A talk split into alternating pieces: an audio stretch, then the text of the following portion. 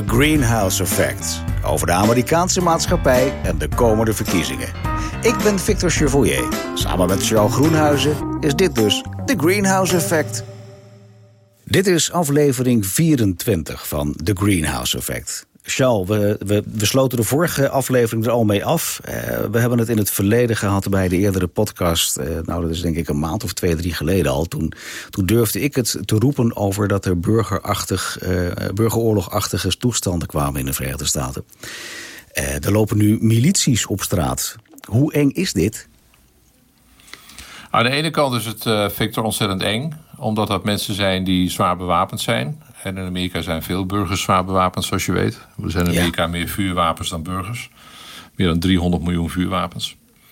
Uh, voeg daarbij dat bij een aantal mensen, met name aan de rechterkant, de emoties nu zeer hoog oplopen.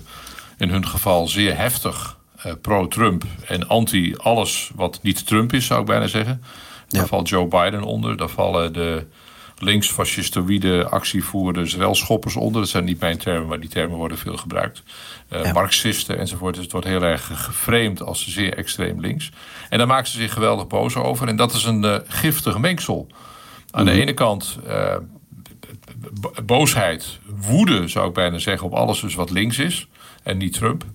Uh, gevoegd bij ja, zwaar bewapend, vaak met halfautomatische een soort, soort machinepistolen zijn dat. Die je in Amerika ook heel makkelijk kunt krijgen, mede dankzij de zeer soepele regelgeving waar met name de Republikeinen altijd heel erg voor zijn. Dus ja, dat, dat, is een giftig mengsel. Uh, wat uh, gevaarlijk is en gevaarlijker kan worden. Met name naarmate je dichter bij 3 november komt, de dag van de verkiezingen. En als zou blijken dat Trump achter blijft liggen op Joe Biden. en er een serieus perspectief is dat hij zou gaan verliezen. dan zal dit niet minder worden. Integendeel. Nee nee. Maar tegelijkertijd, uh, het, is ook een beetje wrang om te zien dat uh, Black Lives Matter uh, eigenlijk een heel mooi initiatief was, maar in, in de nachtelijke uren wordt overgenomen door wat voor groepering is dat? Wat, wat, wat gebeurt daar? Dat er dan overdag iets leuks gebeurt en s'avonds zijn ze aan het plunderen. Dat is, dat is toch heel erg apart eigenlijk? Ja, dat zijn voor een groot deel uh, ook andere mensen. Uh, en, en ik ik krijg de indruk, ik ben er veel over aan het lezen... en de Amerikaanse journalistiek zit er ook vol achteraan... van wat is er nou precies aan de hand in de, in de zin van... zit hier een organisatie achter? Uh, als je het ziet, uh, dan, dan zou je dat wel denken. Bijvoorbeeld op een bepaald moment ook echt honderden van die pick-up trucks... Allemaal ja. getooid met minimaal vijf Amerikaanse vlaggen... en twee of drie met halfautomatische pistolen. Nee. Ja, ja. Uh, en die zijn ook nog gaan schieten op mensen. Voor een deel is met paintballs, met van die verf, ja, uh, verfpistolen. Die gezien, ja. Bijzonder. Ja. ja. Uh, maar goed, er zijn nu ook een paar doden gevallen aan beide kanten, zoals we weten. de laatste lijkt het erop dat die Trump-aanhanger is doodgeschoten... door iemand die zich afficheert met Antifa, dus die antifascistische linkse beweging. Nou, dat weten we nog absoluut niet zeker, maar dat zijn berichten van de afgelopen uren uit de VS. Mm. Uh, maar dat, dat, is, dat, dat neemt enorme vormen aan. Maar het, het, minstens even gevaarlijk, naar mijn oordeel, is in ieder geval de manier waarop er ook politiek gebruik van gemaakt wordt.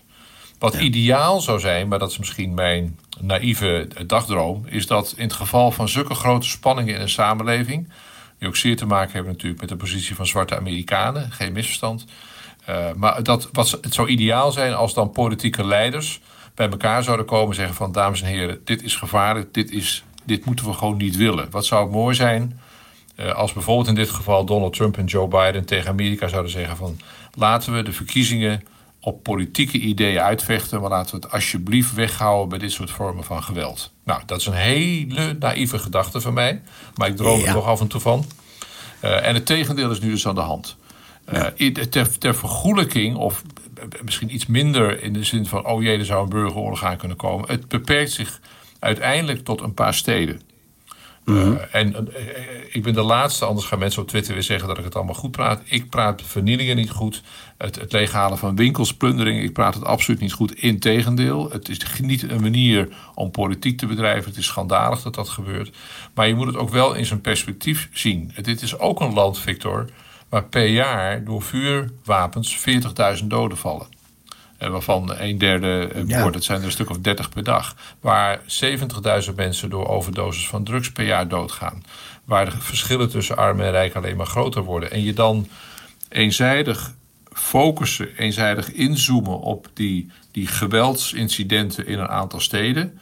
Uh, dat is wel heel erg een soort politiek cherrypicking van wat komt mij goed uit en wat komt me niet goed uit. Nee, corona. Maar het gebeurt wel. Uh, je kunt Zeker. zeggen wat je wil, maar er is natuurlijk wel wat aan de hand in de zin dat, dat daar uh, winkels geplunderd worden. Zeker. Uh, waarvan je echt zegt van elke rechtsorde is op dat moment zoek. Dus dat op ook die plek, op die plek zullen zeker. zeggen. Ja, ja dat ook democraten zullen zeggen van jongens, maar dit kan niet. alles leuk en aardig, maar we gaan niet slopen, zeg maar. Daar kan ik me wel wat bij voorstellen. Jawel, en Joe Biden heeft daar in een toespraak maandag ook uh, echt buitengewoon heldere bewoordingen afstand van genomen. Je kunt wel alles van Joe Biden vinden, maar er was geen misverstand wat hij daarbij zei. Die zei: Dit is geen manier, dit kan niet, het is schandalig. Even in, in, uh, ja. in, in, zijn terminologie natuurlijk. Uh, maar wat ik, wat ik ermee bedoel is: op, kijk, we praten nu over verkiezingen die meebepalend zijn voor de komende vier, acht of nog langer in de toekomst van de Verenigde Staten. En je dan volledig eenzijdig op deze kwestie te concentreren. Nou, dat gebeurt vanuit de Republikeinen, dat gebeurt vanuit Donald Trump. Is, is een, een mate van eenzijdigheid die ik, die ik niet goed vind. Wat ik ook niet goed vind aan de democratische kant. Ja, Joe Biden heeft er afstand van genomen.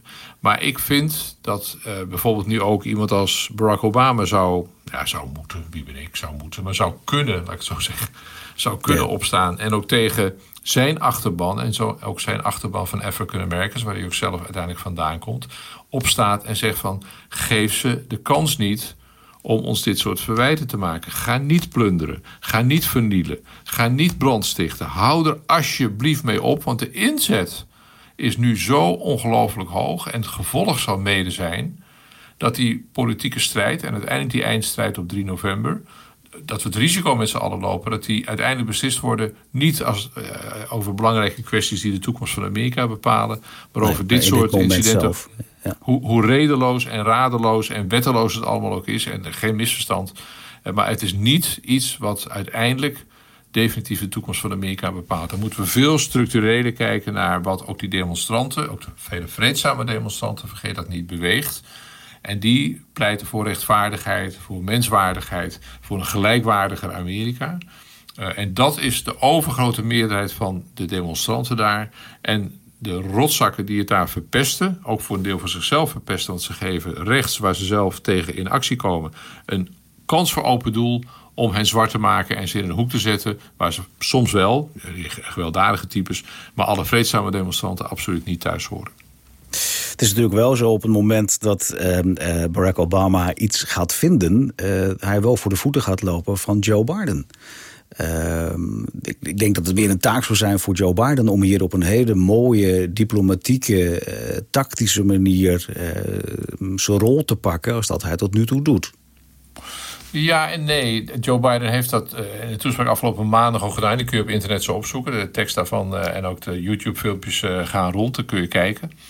Uh, de, de positie van Barack Obama, kijk, die, die doet niet mee en kan er niet meer meedoen. Die heeft twee keer is hij president geweest en dat is het maximum wettelijk. Dus die, als je dat betreft geen bedreiging. Het risico is wel, uh, daar heb je op zich gelijk in, Victor, dat mensen zeggen, ja, die Barack Obama die zegt het eigenlijk wel veel mooier dan Joe Biden ja, kan zeggen. Daar staat hij onbekend. Ja, is e eloquenter, is, is, is wel, meer wel bespraakt, is een betere. Ja. Retorisch is hij veel beter dan Joe Biden. Allemaal waar. Maar tegelijkertijd is, staat er nu politiek zo ontzettend veel op het spel. Je ziet nu in de opiniepeilingen, Biden zakt wat weg, maar blijft redelijk op peil. Maar de, de aanhang of de, de goedkeuring door de Amerikanen van de zaak waar Black Lives Matter voor staat, keldert. Ja. Dus een aantal mensen zijn heel gevoelig voor wat zich nu afspeelt. Hoe groot of hoe klein het ook is, of wat je er verder van vindt. Maar dat is gewoon een feit waar de Democraten en Joe Biden mee te rekenen hebben.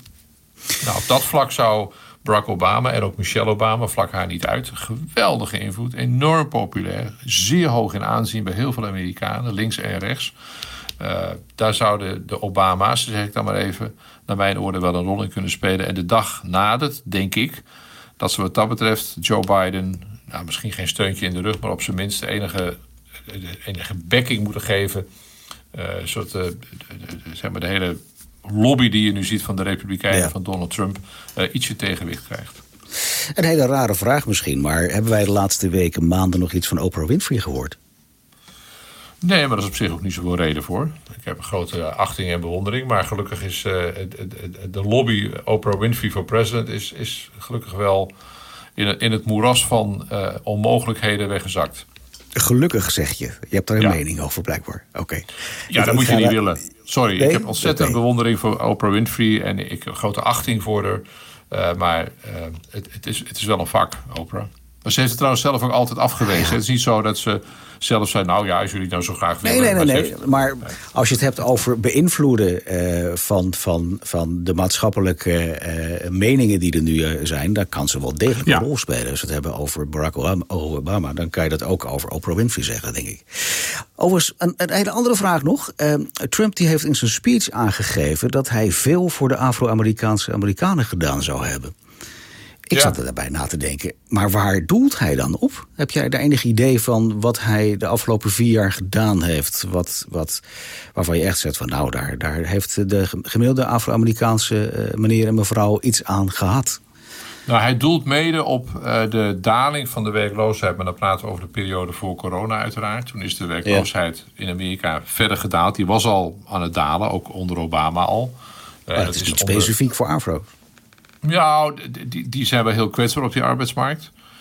Uh, en die uh, profiteren ervan op het moment dat de economie groeit. En ook een hele servicesector, zeg maar. Denk aan, aan, uh, hotels, restaurants enzovoort. profiteren ze ervan. En de, en de werkloosheid onder African Americans is inderdaad in die periode fors gedaald. Het omgekeerde is nu ook waar. Op het moment dat die economie voor deel instort en bedrijven failliet gaan en mensen moeten ontslaan zitten zij ook vaak weer in een buitengewoon kwetsbare positie. Maar hij heeft, hij, dat is een argument wat hij voor zichzelf genoemd heeft... en wat is in ieder geval totdat corona losbarstte ook wel klopt. Het tweede wat hij ook wel eens noemt... Uh, dat, dat is ook een onderwerp wat ik wel belangrijk vind... en waarvan ik vind dat Donald Trump daar in ieder geval voor een deel eh, goed werk gedaan heeft... is als het gaat om prison reform, hervorming van het justitiestelsel. Nou, daar zijn ja. hele bescheiden stapjes gezet... Uh, door Donald Trump, door Donald Trump ook ondersteund. Nou, daar heeft Kun je maar even uitleggen in, in, in een beetje een korte zin wat dat dan inhoudt? Want ik snap even niet zo goed wat daar veranderd is dan. Wat, wat daar heel voorzichtig verandert, is de manier uh, waarop gevangenen behandeld worden. De, de vraag ja. of ze nog een kans krijgen als ze uit de gevangenis komen om weer redelijk een bestaan op te bouwen. Het is allemaal heel, heel bescheiden hoor. En uiteindelijk gaat Donald Trump maar over een zeer klein deel van het Amerikaanse gevangenissysteem, omdat het voor 90% in handen is van en gerund wordt door de staten. Maar als ja, symboolwerking, zo moet, je, zo moet je het eigenlijk zien. Nou, de ja. opsluitgekte die we de afgelopen 30 jaar hebben gezien, en waar trouwens Joe Biden en Bill Clinton mee voor verantwoordelijk zijn, die opsluitgekte daar komt nu, laat ik het voorzichtig zeggen, enige nuance in. Ondersteund door Donald Trump. En daar verdient hij lof voor. Ja, oké. Met name economisch, hoor ik je zeggen. Maar ook wat kleine dingen die in het gevangeniswezen dan eigenlijk zijn. Ja. Um, over gevangeniswezen, uh, we hebben een hele rare brug. Meneer Grapperhaus, dan ga jij denken, waar gaat dit over? Het viel mij op dat bij het huwelijk van meneer Grapperhaus... dat daar natuurlijk het nodige in Nederland over te doen is... Uh, maar dan zie je applaudisserende fans die dicht op elkaar geplakt staan in de tuin van het Witte Huis uh, voor more years aan het scanderen zijn. Uh, leeft dat daar niet? Is dat daar een, een, een, een ondergeschikt ding, terwijl ze de meeste coronadoden hebben? Ik vond het zo opvallend. Ja, even, even cynisch. Als het omgekeerde gebeurd zou zijn en bijvoorbeeld Barack Obama daar nog president was geweest en dit had gedaan, uh, met uh, fans dan zijn fans, zo dicht ja. op ingepakt daar in de Rose Garden uh, aan de zuidkant van het Witte Huis, dan zou de wereld te klein geweest zijn met verontwaardigde scheldpartijen van de Republikeinen. Kijk, Victor, dit is totaal idioot om twee redenen. Eén, is het bij wet verboden dat je als kandidaat, en Trump is behalve president, is ook presidentskandidaat, maar het is verboden om als kandidaat in dit geval de tuin van het Witte Huis, federal property te gebruiken voor campagnedoeleinden. Mm. Het idiote is, maar dat is een beetje het Amerikaanse systeem, dat de Democraten daar wel boos over geworden zijn, maar verder ook niks hebben gedaan. Uh, Kunnen ze en, überhaupt wat doen dan? Nou, beperkt. Je kunt het niet tegenhouden. Je kunt er wel achteraf kun je zeggen, nou, je hebt de wet overtreden bijvoorbeeld. Je zou de campagne van Trump, daar zou je het proces over kunnen gaan voeren. Uh, ja. Een boete kunnen geven omdat ze de, de wet hebben overtreden. Zo goed als je met giften en zo. Er zijn ook allemaal regels voor. En daar moet je je gewoon aan houden. En als je er niet aan houdt, kun je boetes krijgen. Maar het is ook, en, en nog even het tweede, dat die mensen daar zo dicht op elkaar stonden. Ja, dat is eigenlijk een beetje hetzelfde. Eigenlijk een beetje een hele lange neus maken naar de regels die er daarvoor zijn. Of een hele dikke vinger opsteken uh, naar, uh, naar alle regels die op dat vlak bestaan. En dat is wel een beetje natuurlijk van het, een beetje een soort what the fuck houding van Trump en van de Republikeinen. Van wie doet ons wat? Ja. Dat stralen ze uit. Maar... Dat vinden een aantal mensen ook fantastisch. Van, die zeggen ook what the fuck. Uh, en dat, dat spreekt een aantal mensen aan. Maar het zegt ook iets tenslotte over de positie van de Democraten. Die hier eigenlijk niet vol in durven gaan. Uh, en dit proberen te stoppen. En wat ook niet kan, wat in Nederland zou kunnen. Stel dat je iets vergelijkbaars hier hebt met premier Rutte straks. Met zijn VVD-lijsttrekkerschap. Ja, dan zou je heel snel bij overtreden van de wet een spoeddebat in de Tweede Kamer hebben. Ja, zo werkt dat daar dus niet. Als wij in Nederland een politiek leider zou hebben die zou doen wat Trump doet, zouden we in Nederland minimaal drie boze spoeddebatten per week hebben. Nee, maar dat snap ik. Maar het is, het is wel natuurlijk raar dat je, dat je dan eigenlijk ook tegen die 180.000 doden. Ik herhaal het aantal nog even: 180.000 doden. Met evenveel familie, vrienden. En je ziet dan in zo'n in, in zo'n Witte Huisfeest. dat moet toch ook negatieve gevolgen hebben? Dat je echt denkt: van man, wat ben je aan het doen? En nou ja, het, ik kan. Ja, sorry, ga je gang. Ja, kijk, een van de redenen dat ik ook in mijn boek, uh, wat nu verschijnt, de voorspelling heb gedaan dat naar mijn verwachting eh, Donald Trump verliest. En dat, dat slaat hier een beetje op. In die zin dat wat je de afgelopen 3,5, 4 jaar hebt gezien, als je de campagne van 2016 meeneemt, de afgelopen ruim vier jaar, ja. dat is dat Trump zich nergens iets van aantrekt. En elke keer als je denkt van, maar wat dat kan nou? niet erger.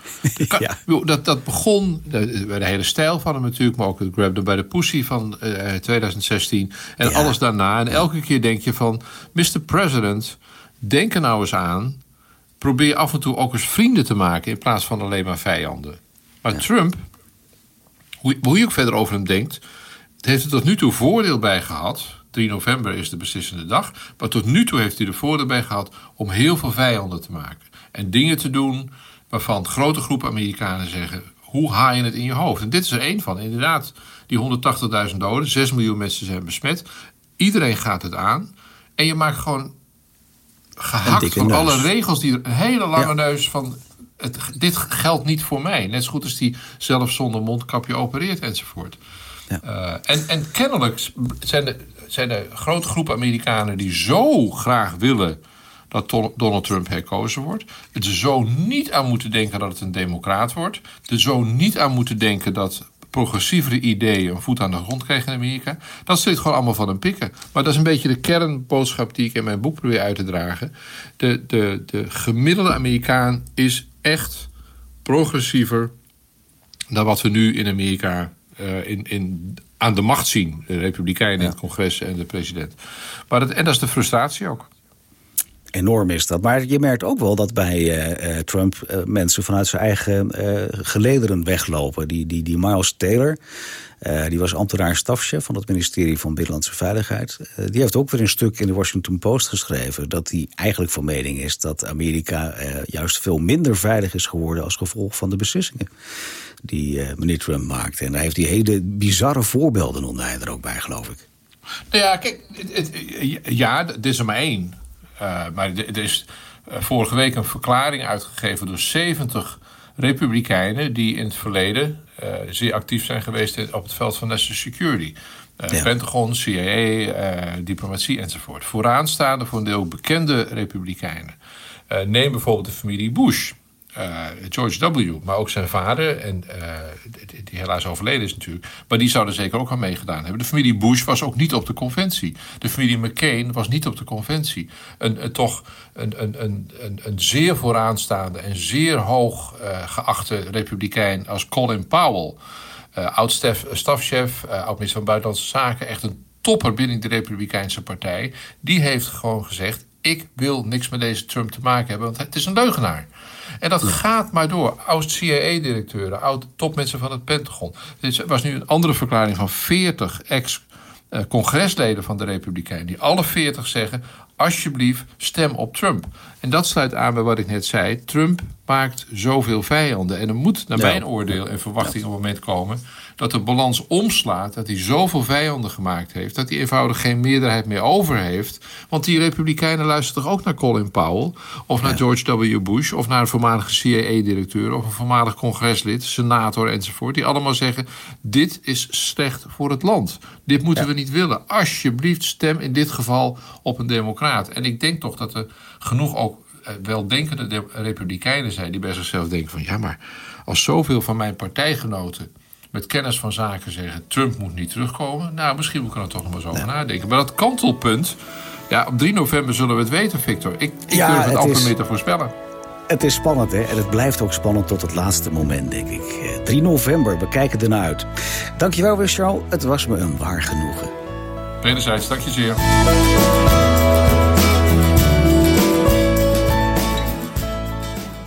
Dankjewel voor het luisteren naar deze podcast. De Praatkast. Gesprekken die ertoe doen.